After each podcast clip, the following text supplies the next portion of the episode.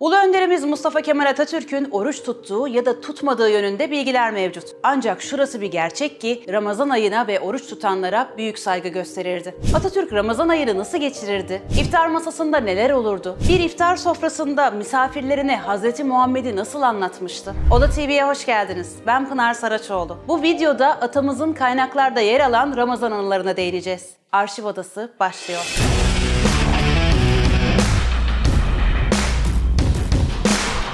Soyadını Atatürk'ün verdiği yazar Hafız Yaşar Okur, 1924'te hilafetin kaldırılmasından sonra Ankara'da kurulan Riyaseti Cumhur İnce Sasayeti'ne yüzbaşı rütbesiyle tayin edildi.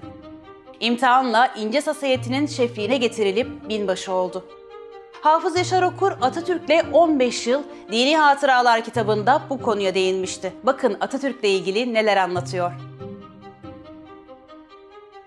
Ramazanların atam için çok büyük bir önemi vardı. Ramazan gelir gelmez İnce Sasayeti Çankaya Köşkü'ne giremezdi. Beni çağırır, Kur'an-ı Kerim'den bazı sureler okuturlardı. Ben okurken gözleri bir noktaya takılır, derin bir huşuyla dinlerdi. Ruhen çok mütelezziz olduğu her halinden anlaşılırdı. Bir Ramazan günü Atatürk beni huzuruna davet etti. Sure-i Yusuf'tan bir sayfa okumamı söyledi ve okudum. Atatürk derin bir müşahedeye vardı. Pek sevdiği Süleyman Çelebi'nin Mevlidi'nin Veladet Bahri bölümünü okumamı söyledi. Okudum. Çok mütehassıs oldular. Ramazanlarda bir ay müddetle Hacı Bayram Veli ve Zincirli camilerinde şehitlerimizin ruhlarına hatmi şerif okumamı emrederlerdi. Büyük Atatürk birçok vesilelerle şöyle demiştir. Mukaddes mihrabı cehlinin elinden alıp ehlinin eline vermek zamanı gelmiştir. Camileri ibadet için olduğu kadar düşünmek, meşveret etmek için de birer mukaddes yer olarak telakki ederdi.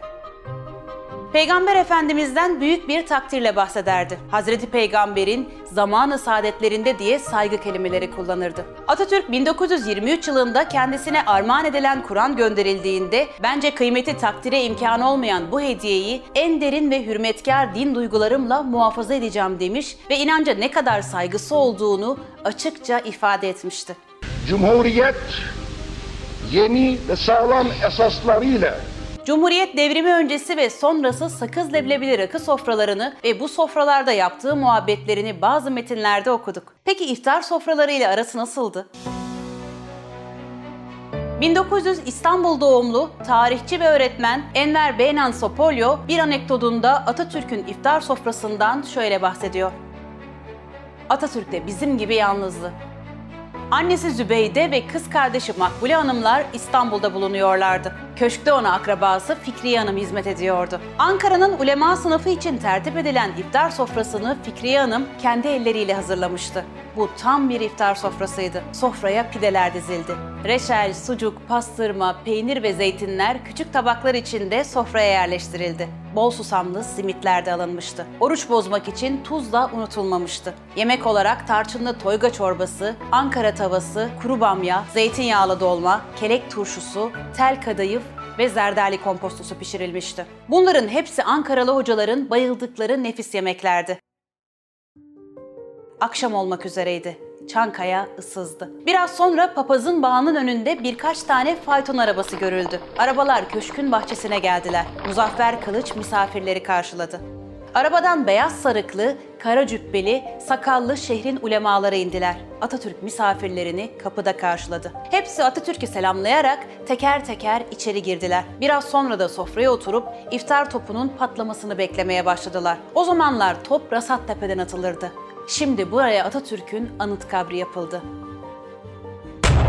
Top patladı, hocalar kollarını sıvazlayarak oruçlarını açtılar. Bu sırada biz de Muzaffer'in çadırında yemeğimizi yiyorduk. İşimiz bitince salona gelip kapının yanına ilişiverdik. Kahveler geldi. İçtikten sonra Atatürk hocalara şunu sordu. Hz. Muhammed'in iftar sofrasında neler bulunurdu?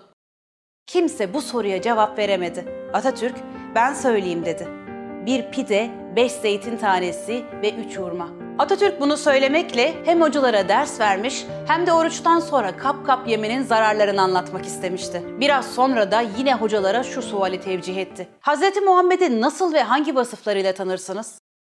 Hocalar arasında Ankara müftüsü Rıfat Börekçi, müftülerden Hoca Atıf Efendi, Hafız Ahmet Efendi, Hacı Bayram Veli Şeyhi Şemsettin Efendi, Topçu Şevki Efendi, Nakşibendi Şeyhi gibi tanınmış din adamları bulunuyordu. Hemen hepsi de yüksek tabir ve kelimelerle Cenab-ı Hakk'ın Resulü Habibi olduğunu belirttiler. Sözlerin özeti Hz. Muhammed çok büyük bir peygamberdi. Resul-i Ekrem, Cenab-ı Peygamber, ahir zaman peygamberi, Hatemül Enbiya idi.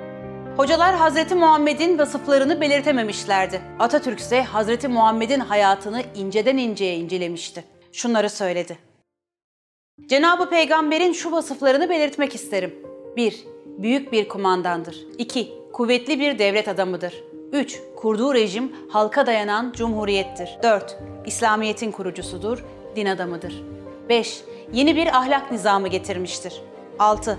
Hadisleriyle bir İslam hukuku kurmuştur. 7. Arapları statik hayattan dinamik hayata sevk etmiştir. Doğudan Türk ellerine, batıdan İspanya'ya kadar hakim olmalarını temin etmiştir. 8.